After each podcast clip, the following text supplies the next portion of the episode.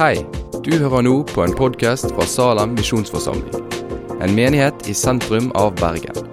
Vil du vite mer om oss eller komme i kontakt med oss, gå inn på salem.no. Takk skal du ha.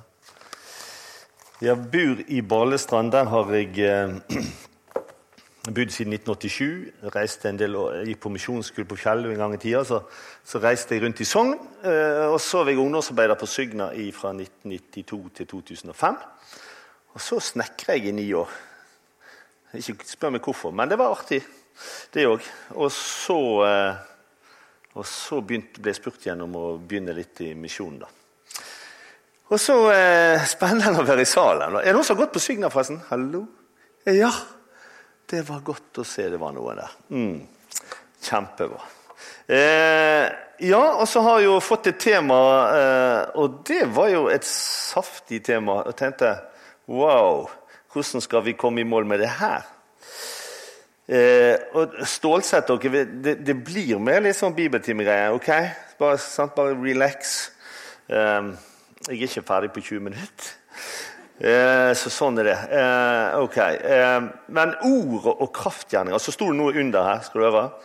Hvilken rolle skal underet, helbredelser og kraftgjerninger ha for oss? Skjer det mirakler i dag? Skal vi be om helbredelse? Kan de hjelpe med å rydde vei for evangeliet? Hei. Det er ganske mye der, altså. Og Jeg kunne jo sagt ja på det meste og sittet meg, Skal vi se. Eh, hvilken rolle skal under helbredelse og kraftgjerninger ha hos oss? Ja, Den tror jeg skal få lov til å være en naturlig del.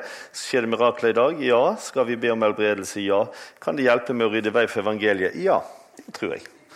Men, eh, ja, men det, for det er så svært, sant? Og så måtte jeg prøve å finne noe hjelp på. da. Og så var det jo så hyggelig her. Sant? Var du trommis òg? Oh, fantastisk. Den første jeg hilser omtrent på her nå eh, i møtet, det er altså barnebarnet hans som har skrevet denne boka. Så nå føler jo han seg stolt. Det det er Ole Øystese. Han har skrevet ei bok. Han var jo fast med i Salem. Fantastisk bok. Den vil jeg bare anbefale.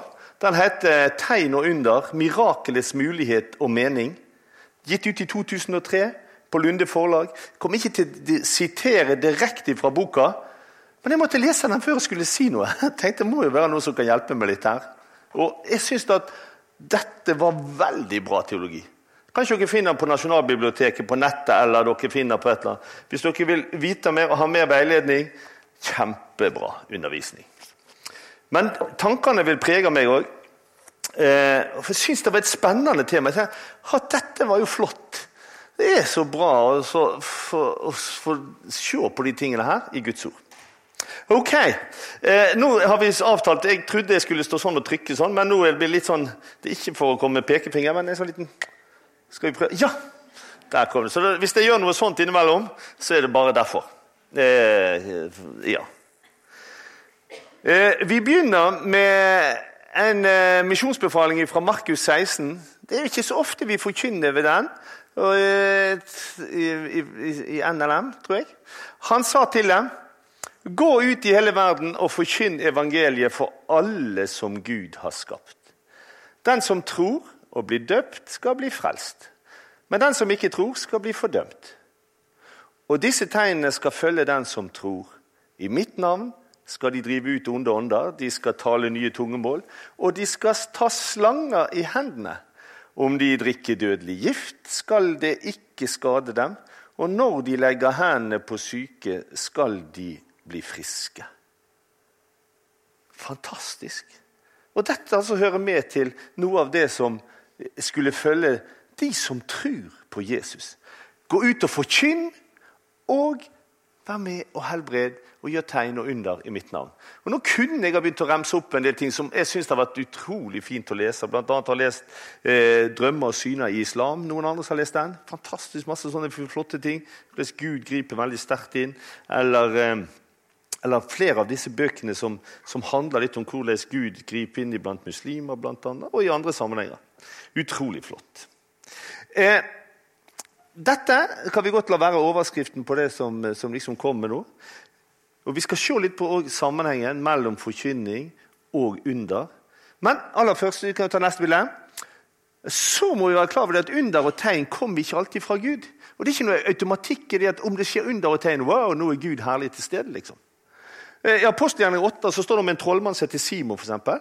og Han gjorde mektige gjerninger så folk tenkte oh, han gjør Guds gjerninger. stod det. Men han kjente jo ikke Gud. Og så står det i Apostelgjerningen 14, det er jo fascinerende, når Barnabas og Paulus kommer til Tyrkia, og de kommer eh, og skal forkynne evangeliet. Og det er sånn at de, eh, at de i Lystra da, Og så eh, helbreder de en mann som har vært eh, lam fra fødselen. Og når folk ser det der, så blir de helt uh, begeistret. Wow! Guden er blitt menneske. Og Så kalte de Barnabas for Sefs, og så kalte de Barnabas, nei, eh, Paulus for Hermes, for han prater. Hermenevtikk, ikke det å snakke? Jo.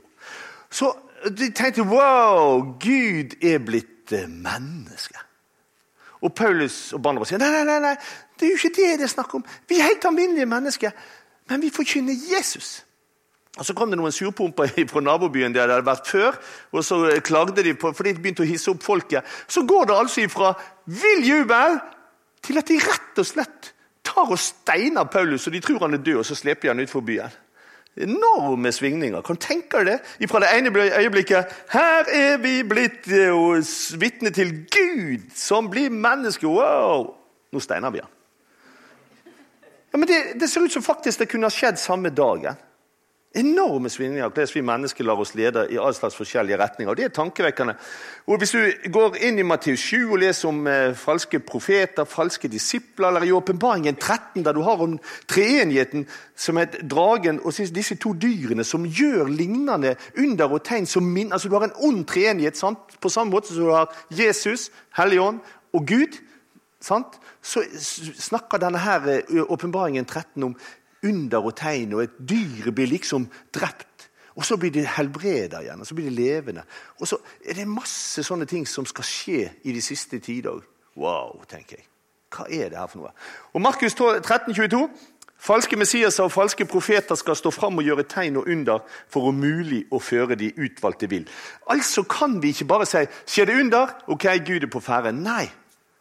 Hva blir sagt? Hva blir forkynt? Hva hører vi i tillegg til det? liksom? Og Det er jo det som er så viktig. Jeg går ut ifra at Kristian eh, snakket litt sist om forkynnelse forrige lørdag. eller noe sånt.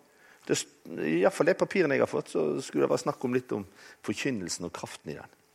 Men hvis vi nå går over til neste plansje eh, så ser vi at det første under i, i apostelgjerningene, kapittel 3, der Peter og Johannes er på vei opp til tempelet ca. klokka tre på ettermiddagen. Og så er det denne mannen som sitter der og ber om, en, eh, om, om penger. Så sier Peter eh, 'Sølv eller gull har jeg ei.' Sant? Og så reiser jeg opp. Han, han, synger ikke da, men han sier det.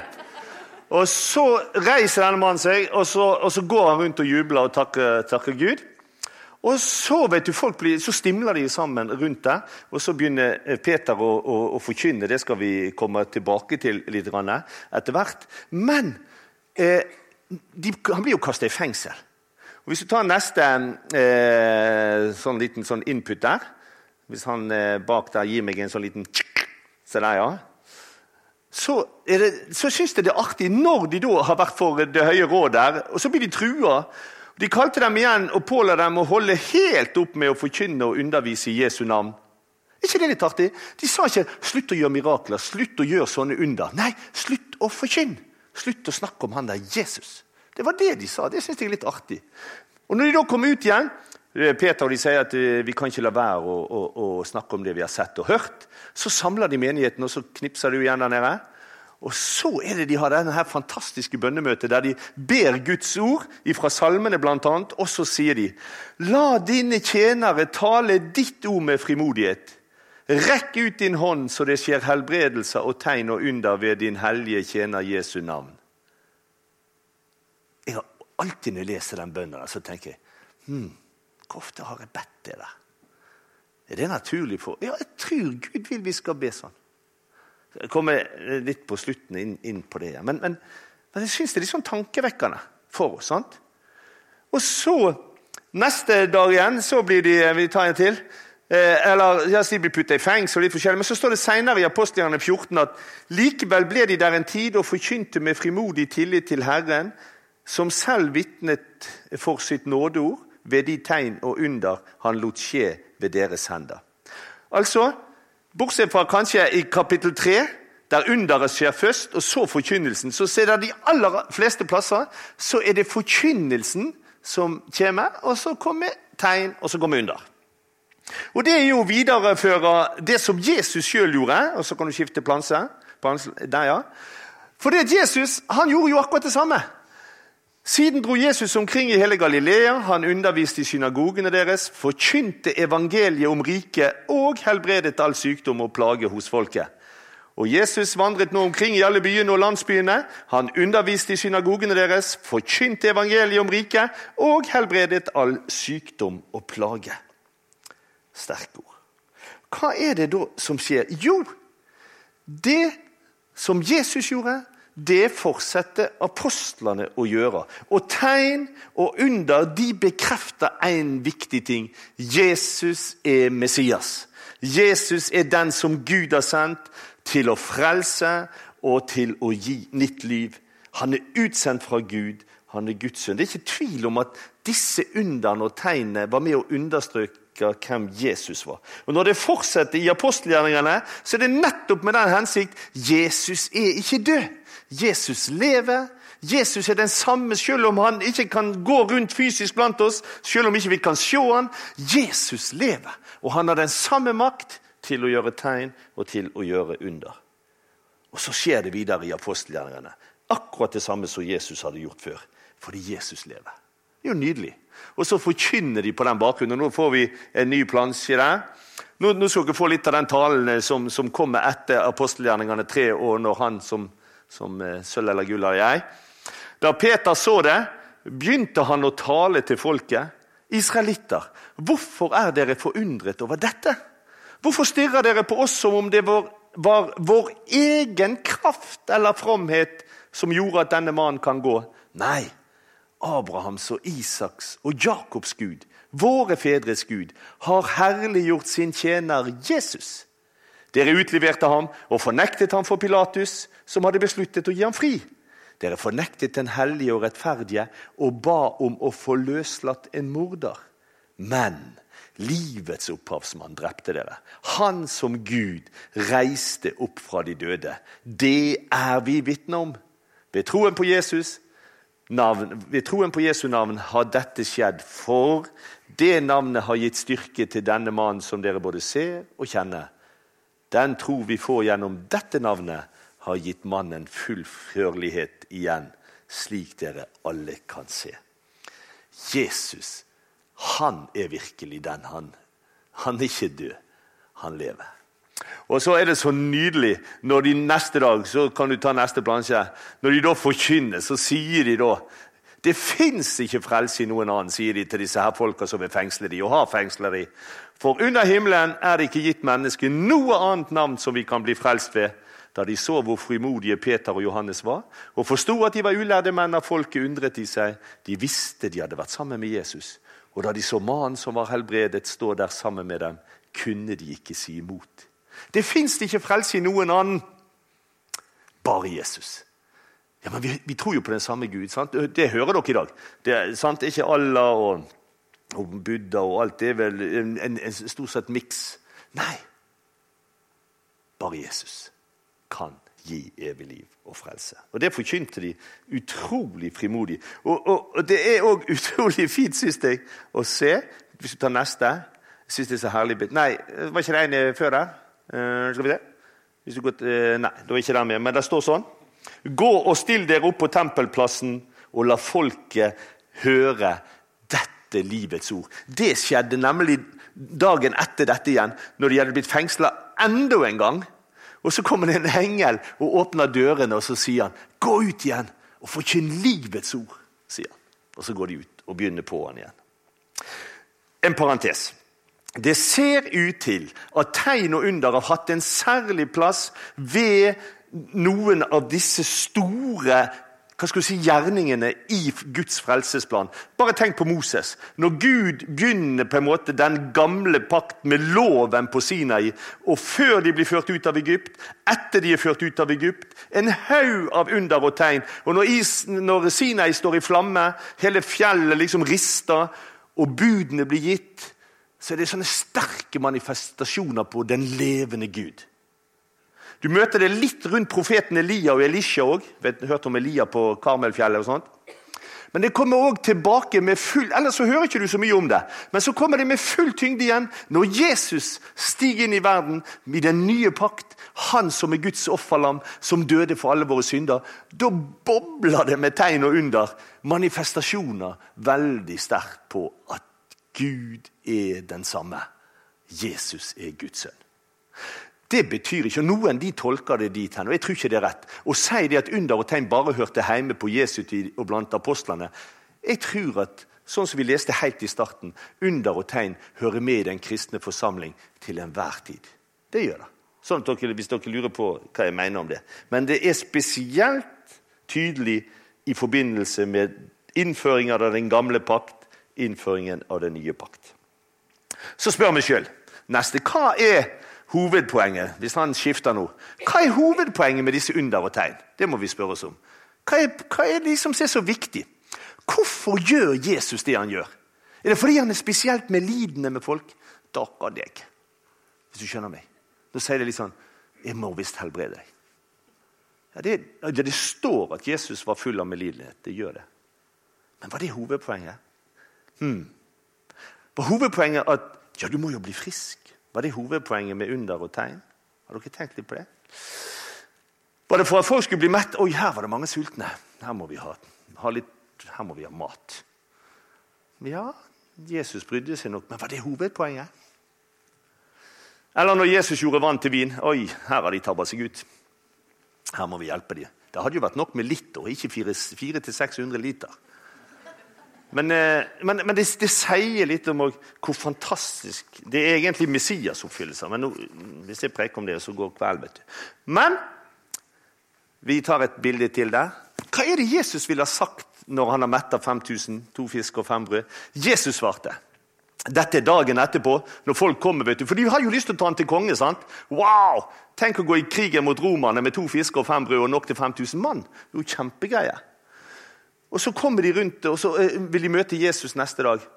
Og Så sier Jesus, 'Sannelig, sannelig, jeg sier dere.' 'Dere leter ikke etter meg fordi dere har sett tegn, men fordi dere spiste av brødene og ble mette.' Jesus svarte, 'Jeg er livets brød. Den som kommer til meg, skal ikke hungre, og den som tror på meg, skal aldri tørste.' Altså, sier dere har ikke sett egentlig hva Poenget med det jeg gjorde, var egentlig ikke først og fremst at dere skulle bli mett. Dere skulle se noe mer. Jeg er livets brød. Og Så begynner han å si uten at dere eter mitt kjøtt og drikker mitt blod, så har ikke dere liv i dere. Og folk sto der liksom bare What? Åndelig kannibalisme? Hva er det her for noe? Ja, men det er jo sant. De var helt sånn satt ut, på en måte. Og vet du hva det ender med? Altså Nå hadde Jesus en megasjanse til å få den oppmerksomheten. Og så står han der og forkynner på denne måten. Og det står at folk sa dette var hardt, altså. Og de gikk bort, alle sammen. står det. Til og med de disiplene som hadde vært sammen med ham. For Jesus hadde jo flere som fulgte han enn de tolv. Sjøl står det at de gikk. Nei, deretter så fulgte de han ikke lenger. Dagen etterpå så går det altså fra 5000, og så står han igjen og så, det, så sier han til de tolv eh, Vil dere òg gå? Han tenker deg. Vil, syns du det der, eh, Virker ikke det der litt fiaskoprega? Å gå ifra 5000 pluss kvinnebarn sånn. Og En hel mengde som vil gjøre han til konge. Og så begynner han å snakke på en sånn måte at folk bare Nei, dette var ikke det vi hadde tenkt. Og så går de. Og Da er det Peter sier disse berømte ordene. Hvem skal vi gå til. Du har det evige livsord. Hvem skal vi gå til? Poenget er helt klart, mener jeg. Jesus vil si til deg og meg det du først og fremst, fremst trenger, det er Jesus. Du trenger en person som heter Jesus, inn i ditt liv. Du trenger Jesus mer enn du trenger mat. Du trenger Jesus mer enn vin. Du trenger Jesus mer enn helbredelse. Du trenger først og fremst Jesus. For Jesus er det virkelige livet. Han er den sanne maten. Han er den som gir alt. Og har du Jesus, så har du egentlig alt du trenger. Du har overflod, og du eier hele Guds rike. Enten du er sjuk eller frisk. Enten du er rik eller fattig. Enten du er superintelligent og smart, eller du er en som strever livet av det med å få teorien inn i hodet. I Jesus så har du alt, egentlig. Det er det som er så fantastisk. Uansett hvordan du ser ut, uansett hva du er god i. Det er jo ikke det det kommer an på, men det kommer an på har du Jesus. Så helt sånn konkret er det egentlig. For i Jesus så blir vi så ufattelig rik, og så eier vi et levende håp. Jesus har ikke lovt oss at alle problemer skal forsvinne fra våre liv. Men han har lovt å være med oss alle dager. Alle dager. Og han har lovt det at den som holder ut i tro på han, skal en dag få oppleve at han skal tørke bort hver tåre. Han skal gjøre slutt på smerte, på sykdom, på lidelse. Han snakker om et levende håp, Jesus. Det skal ikke være med. Derfor sier David i Salme 23.: Herren er min hyrde, jeg mangler ingenting. Det er hele poenget, egentlig. Poenget er at du skal vite at Jesus virkelig bryr seg om deg, uansett hvordan du ser ut eller har det. For tenk deg følgende. Hvis dere er to stykker her i salen som begge har en sykdom, begge lider av kanskje samme sykdom, da, så blir dere enige om vi går til forbønn. Eller vi kaller noen hjem til å be for oss og salve oss. Ok. Den ene blir frisk, den andre blir ikke frisk. Hvem har Jesus vist omsorg? Hvem har Jesus da vist medynk med? Hvem er det Jesus bryr seg om? Hvem er det Jesus er glad i? Har du tenkt på det? Ja, Den som blir frisk, tenker wow, Jesus har jo sett meg. Jesus har jo virkelig brydd seg om meg. Den som ikke blir frisk, tenker oi, ai.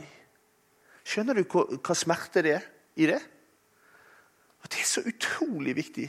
Det er så farlig hvis vi, på, altså hvis vi primært tenker at helbredelse, tegn og under er for at Jesus på den måten viser medlidenhet eller omsorg. Sier, nå nå syns dere sikkert jeg sier noe, men jeg sier ikke at Jesus ikke gjør det. Men det er ikke det primære. Er dere med på den? Visst trenger vi Jesu nærhet i våre liv. Vi gjør det. Vi trenger det godt når noen legger hånda på oss og ber for oss. Men hva hvis det ikke skjer det du ber om? Er ikke Jesus like glad i deg for det? Jo visst er han vel det. Tenk dere han der, de der som lå ute ved Betesta dam. Du leser om det i Johannes 5. Det var en haug, står det. Det var fullt av folk som var lamme, spedalske og urene. Og de venta på at denne eh, dammen skulle bli rørt opp. Ikke skjønner hva det var, Men det var en engel som steg ned, og den som var først ute, han ble frisk. Sant? Men så står det For det står i Johannes 5, dette her, kan du lese det. Det var sjuke, blinde, lamme og uføre. En haug med de. Men det var én mann der som hadde vært sjuk i 38 år. Og Jesus så han lå der, og så sier han, 'Vil du bli frisk? Vil du bli frisk?' Ja. Men jeg har ikke noen til å kaste. Så sier jeg, helbreder deg'. Det er flott, det. Fantastisk. Men hva med alle de andre som lå med den samme dammen? Så ikke Jesus de? Brydde ikke Jesus seg om de? Hmm. Andre Timotius brev 4,20. Erastos ble igjen i Korint, og Trofimus lot jeg bli igjen i Miletos fordi han ble syk, sier Paulus. Var det noe god strategi? Paulus hadde jo en, vekt opp en fra de døde, til og med. Og så lar han en bli igjen fordi han er syk. Hmm. Eller i 1. Timotius brev 5,23.: Drikk ikke lenger bare vann, men bruk også litt vin for magen fordi du er så ofte syk. Skulle tenkt at Paulus ville si Matteus, nå må du tro litt mer, og så må du kalle sammen her, og så må vi få bedt for dem, sånn at du blir frisk igjen her. Hvorfor sier han ikke det, da? Hmm. Jeg har ikke noe sånn veldig godt svar, men, men jeg syns det er tankevekkende.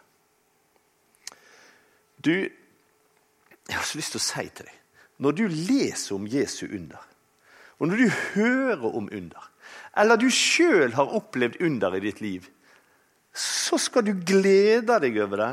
Og så skal du tenke som så Ja, Jesus er virkelig den han sier han er. Jesus er, han lever. Han er den samme i dag. For ellers, Du må ikke la det bli en anklage til deg for å tenke sånn at Oi, nei.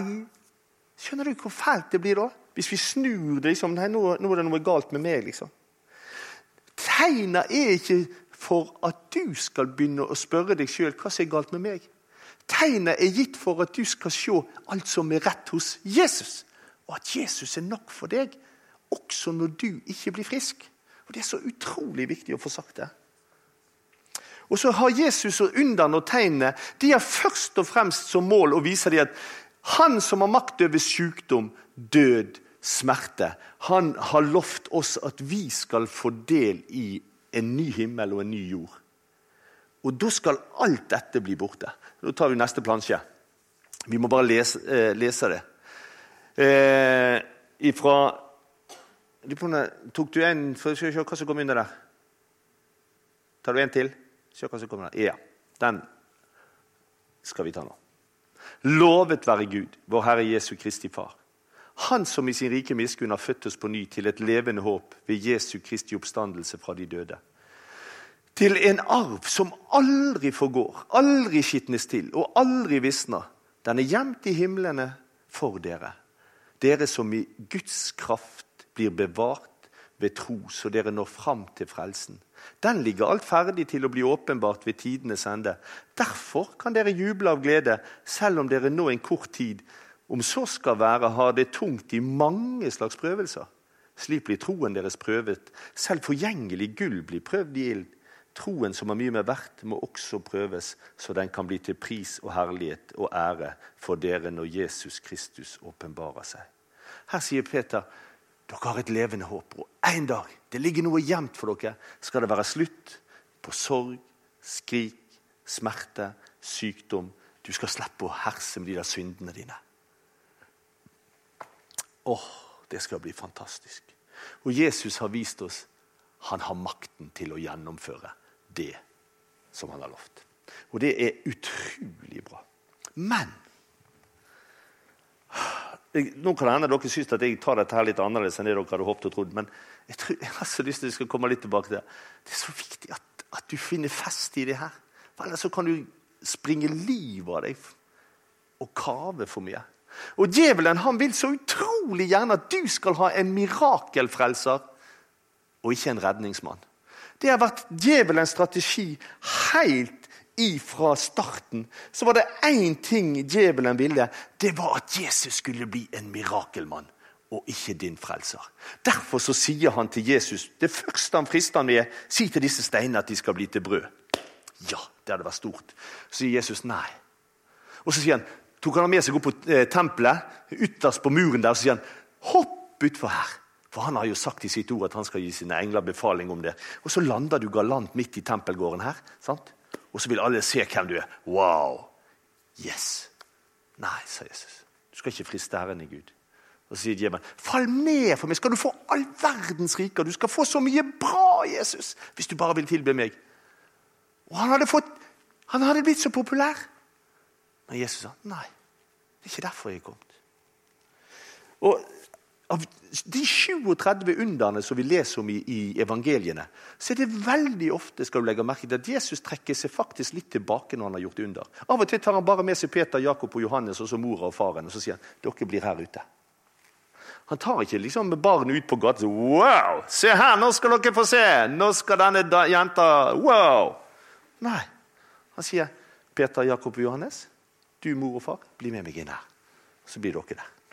Hm. Merkelig strategi, syns jeg. Jesus sier faktisk ti ganger at dere skal ikke si hva jeg har gjort engang. Hm. Merkelig. Så her er noen ting her som vi òg må ha med oss. Og Nå, du, nå skal du få en, en, tekst der dette med mirakelgreiene eh, jeg syns det er hjerteskjærende. Det er når Jesus henger på korset. Og Når folket går forbi, og de skriftlærde går forbi, så sier de Du som river ned tempelet og bygger det opp igjen på tre dager. Hvis du er Guds sønn, så frels deg sjøl og sti ned av korset. På samme måte hånte også overprestene ham, sammen med de skriftlærde og de eldste. Og de sa, 'Andre har han frelst, hm, men seg sjøl kan han ikke frelse.' 'Han er jo Israels konge. Nå kan han stige ned av korset, så skal vi tro på han.' Ja, spennende. Han har satt sin lit til Gud. La Gud redde ham nå, om han har han kjær. Den er sleip, altså. Fy, så stygg den er. Hvis Gud virkelig har kjær denne sønnen, så la han nå gripe inn. Og Det er nesten så jeg tenker sånn av Hvis Gud er glad i deg, så helbreder han selvfølgelig. Gjør han det hvis han er glad i deg. Det er jo litt av det samme. Merker du det? Åh, det er jo så vondt. Han har jo sagt 'jeg er Guds sønn'. sant? Også røverne som var korsfesta sammen med han hånte ham på samme måte. Jesus vil gjerne gi, eller Djevelen vil gjerne at Jesus kunne gjort blir gjerne sånn en mirakeldoktor. Men det er ikke det du og meg trenger først og fremst. Vi trenger først og fremst en som kan tilgi oss vår synd. Som har sont for våre synder. Det største underne ser vi ikke alltid med øynene våre. Det var ikke mange som så den dagen at han avvæpna makten og myndigheten og stilte dem til spott og spe da han viste seg som seierherre over dem på korset og sletta ut skyldbrevet mot oss som var skrevet med bud. Hvem så det når Jesus hang på korset? At Jesus sletta ut ditt syndebrev. Ingen så det. Men du får en seier. Fordi Jesus valgte ikke å bli en mirakelmann, men din frelser. Det er fantastisk. Tenk det så flott det at Jesus kan si til deg dine synder er deg forlatt. Det kunne han aldri sagt om han hadde landa galant ned for korset. Han hadde ikke det. Eller han hadde tilkalt en legion engler. Men for at du skulle få tilgivelse. Derfor sier han så fint til denne mannen som ligger på båra som blir firt det. Det første han sier til ham, dine synder er deg forlatt. Og for at dere skal vite at jeg har makt til å tilgi synder, så sier han til den syke, reis deg og gå. Du kan ikke se at syndene dine er tilgitt. sant? Men alle Guds under i Bibelen, kan ikke de tale sterkt til deg at like sikkert som de har skjedd, like sikkert kan Jesus tilgi deg synden din? Det trenger du mer enn noe annet, faktisk. For det er det største underet som kan skje. Det er det største mirakelet du kan oppleve i ditt liv. Jesus har ikke lovt at du skal slippe unna vanskelighetene, men han har lovt at den som tror på ham, skal ikke ikke gå fortapt, men ha evig liv. Og Jesus har lovt at den som, eh, den som tror på meg, skal leve om han enn dør. Og hver den som lever og tror på meg, skal aldri i evighet dø. Johannes 11. Og så sier han det. Jesu hans sønns blod renser ifra all synd, sier han. Og så sier han i Johannes' åpenbaring 3,20.: Se, jeg står for døren og banker. Om noen hører min røst og åpner døren, da vil jeg gå inn til ham. Og Hvis du sitter her og gjerne aldri har åpnet opp for Jesus, og så kjenner du Jesus lever, Jesus vil jo inn i mitt liv. Altså, du, kan, du, du kan jo en hel kokebok, men du blir ikke mett av å lese kokebok før du begynner å spise mat. Du kan gå i salen, du kan gå på møte, men det er først når du tar imot det. sant? Jesus står og banker. Og hvis du åpner opp, så vil han gå inn og holde måltid med deg. Sånn er Jesus. Fantastisk. Og så sier han Og det er dette som er Om dere glemmer alt jeg har sagt, og det kan jo godt hende Matteus 11, 28.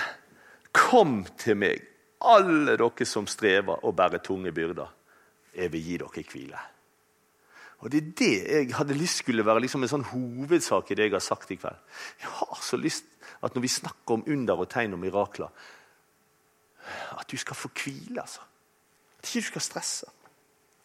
Og hvis du har sykdom, så sier Jesus, 'Kom til meg.' Om du strever med det, kom til meg med sykdommen din. Ja, jeg tror at Jesus helbreder i dag. Jeg tror det. Så Når jeg har sagt alt dette andre, så er ikke det at jeg sier at jeg ikke tror på et helbredelse. Men jeg sier at hovedsaken ligger ikke i først og fremst at, at, at du og meg skal bli helbredet her og nå. Men at vi har Jesus i våre liv uansett hvordan vi har det. Jeg har fått vært med å be og salve syke. Jeg tror ikke jeg har noe, jeg vet ikke at jeg har noen nådegave til å helbrede. Jeg vet, Folk har spurt meg noen ganger om de lurer på om de har den nådegaven. og de, Da sier jeg til dem at ja, hvis du lurer på det, så, så prøv. Be hvis du har noen du er trygg på. Så spør du kan jeg få be for deg. Det, det er helt greit, det. Jeg har fått lov til å være med en gang. Eh, være med presten i Ballestrand, en som jeg har flott kontakt med. Vi hadde, så hadde vi en dame der som hadde kreft. Og vi hadde, vi, Da gjorde vi sånn som vi kom tilbake til mot slutten av Jakobs brev. Salva med olje. Tegna korset med olje på panna, la hanene på, ba for henne. Gikk òg til lege, men sto fram seinere og fortalte at jeg er erklært 100% frisk, og jeg takker Jesus i forsamlingen der vi var. Og det er jo flott. Og jeg tenkte yes. Ja, Så kan noen si ja, men det var sikkert legene som gjorde det. Ja vel. Jeg tror at Jesus kan gjøre det. Fikk lov å være med og be for en annen, eh, en annen person som sleit med, med, med, med tyngre psykisk ting. Og der òg ser at dette mennesket etterpå har fått lov til å få en, en helt annen hverdag. Men det var ikke pga. bare det, men det har vært mange inni livet der. Og jeg ser det har skjedd en forandring. Så tenkte jeg ja, la oss be for hverandre. Eh, det er naturlig. Men jeg har lyst til å si at du skal ha stor frimodighet til å be. For det er ikke fordi, når jeg, når når jeg har bedt for folk Jeg vet ikke, jeg bare sier ja, ja, Jesus, du har sagt her i ditt ord. Altså, så gjør vi det, da. Uten at vi liksom skal jekke oss opp til å tro at wow, her er noen som er superåndelig. Det har jo ikke med det å gjøre. Det er Jesus som er det store. Det er Jesus som gjør underne. Eh, og vi skal ha stor frimodighet til det. Eh, og Jeg tror vi har vært for svake i en del av våre sammenhenger til å forkynne helbredelse, til å forkynne at dette er en naturlig del av, av, av det kristne arvet. Det tror jeg. Fordi vi er redd for en slags sånn usunn herlighetsforkynnelse, der fokuset gjerne blir at 'har du tro'? Har du sterk nok tro? Og så skal vi ha vekst, og så skal det skje store ting. Hvis bare vi får manifestert Gud. Jeg så episoden nå med denne her eh, Guds eh, lærlinger. og Jeg beit til konferanse i Oslo fra 3. mai. Der du kan få oppleve det. veldig. Men det, men det er et eller annet der jeg kjenner mm, Gud, er dette hovedsaken? Og nå kan dere gjerne få komme til meg etterpå og snakke med meg om det, hvis dere vil. Eh, men vet du hva? Jeg tror det er først og fremst Vi får lett feil fokus. Vi får feil fokus på det. Er det noe i veien med troa mi? Jeg må ha tro nok. Jeg vet, det, står, det står en del kapitler om dette med tro som fjell, og alt, men det, det, jeg kan ikke gå inn på alt det, for da blir vi stående til i morgen. Men uansett Hovedsaken med å forkynne dette er at Jesus sier 'Kom til meg', uansett hva det er, og du skal få hvile. Og Jeg har så lyst til å Jeg syns det er så nydelig når Jesus sier til oss òg uten at dere blir som barn, kommer dere ikke inn i Guds rike. Og jeg tenker, Jesus, om jeg kunne vært litt mer barn. For når jeg var barn, så trodde jeg at min pappa var verdens sterkeste. Og Jeg diskuterte med fetteren min, og vi graderte dem. Han var sterkere enn Supermann, han var sterkere enn Batman. Han var den beste, den sterkeste. Og jeg veit han var jo ikke det. Men du verden så godt det var å ha en sånn tillit til en som er større enn meg. Og Dattera mi sa til meg for ikke lenge siden du pappa, Nå er hun 26. Åh, pappa, det er fint. Um, du, det var så mye kjekkere enn jeg var barn. For Da slapp jeg å bekymre meg. Da hadde dere kontroll. Dere, dere tok dere av dette. Nå er det mye mer stress. Nå skal vi jo fikse alt sjøl. Ja, jo, det er noe med det. Og det er det Jesus inviterer oss til.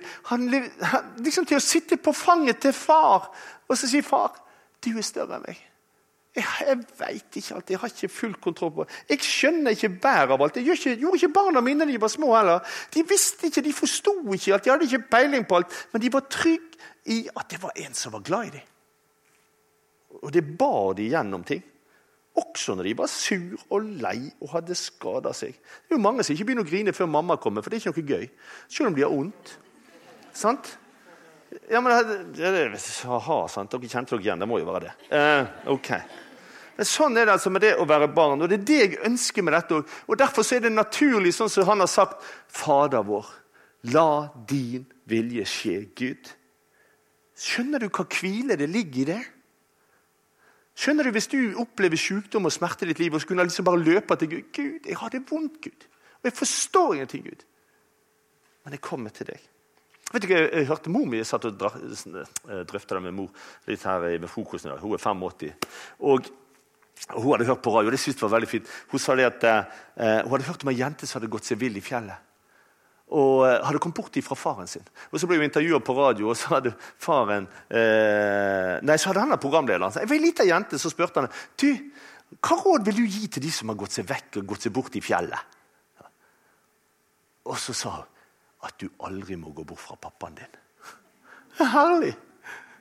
Men altså, det er noe av dette jeg har så lyst til å si til dere. Gud er en far. Og der kan du få hvile. Skjønner du det? Jeg har så lyst til å si det til dere. Uansett hva det er. Derfor er det så godt å be 'la din vilje skje'. Og Så må du gjerne be her også i Salem om nådegaven til å helbrede. At den får lov til å være en naturlig del. Så lenge det òg kan få gi fokus på Jesus og ære Jesu navn. Ja, det står om det i, i 1. Korinterbrev 12 eh, og utved. Ja.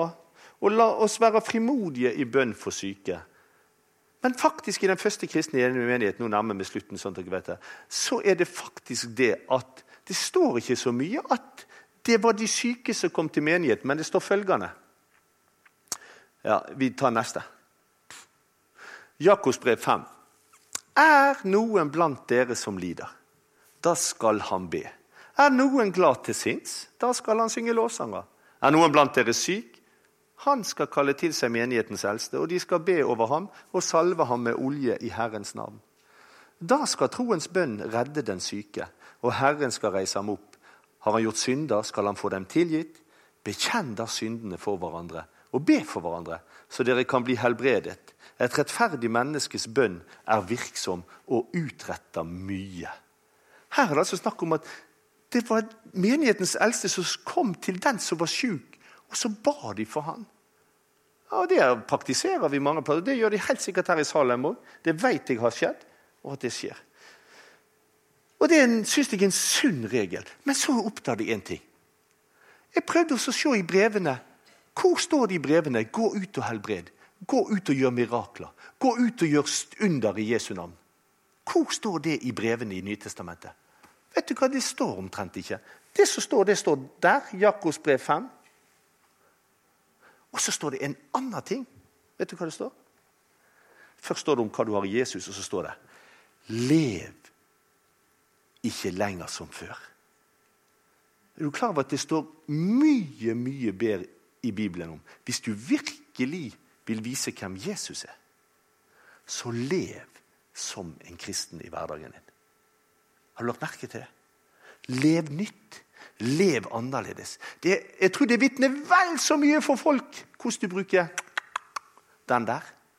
Iblant venner, iblant på skolen din, hvordan du behandler dine medmennesker. Lev annerledes. Tenk litt på det når dere leser. Det som vitner aller sterkest om Jesus, i tillegg til våre ord, det er faktisk livet ditt. Hvis du leser i Bibelen. Det var en sånn tanke som jeg tenkte wow. Ja. Og Det har jeg lyst til at dere skal ta med dere ut. Og så skal vi lese den siste plansjen. Hovedsaken er at du skal få hvile i Hans ord. Og Da tar du den siste, og da kommer den nå. Nei, der kommer han. Nei, det skal være en til. Hopp tilbake. Tok jeg feil? Ja, det er jeg som ser feil. Sorry. Ja. Simon Peter svarte, 'Herre, hvem skal vi gå til?'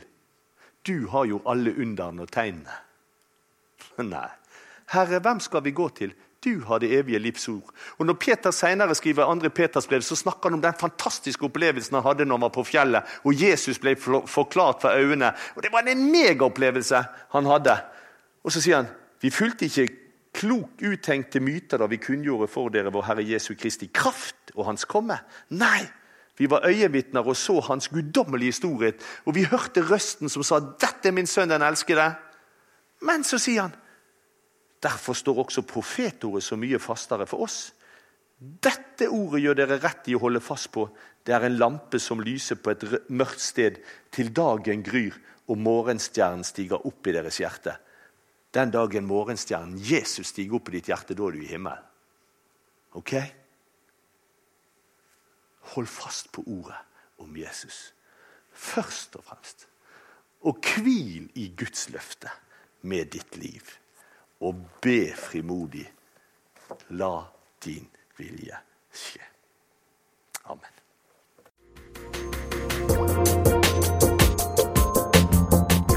Takk for at du har hørt på podkasten fra Salem, Bergen. I Salem vil vi vokse i et stadig dypere fellesskap med Gud og med hverandre.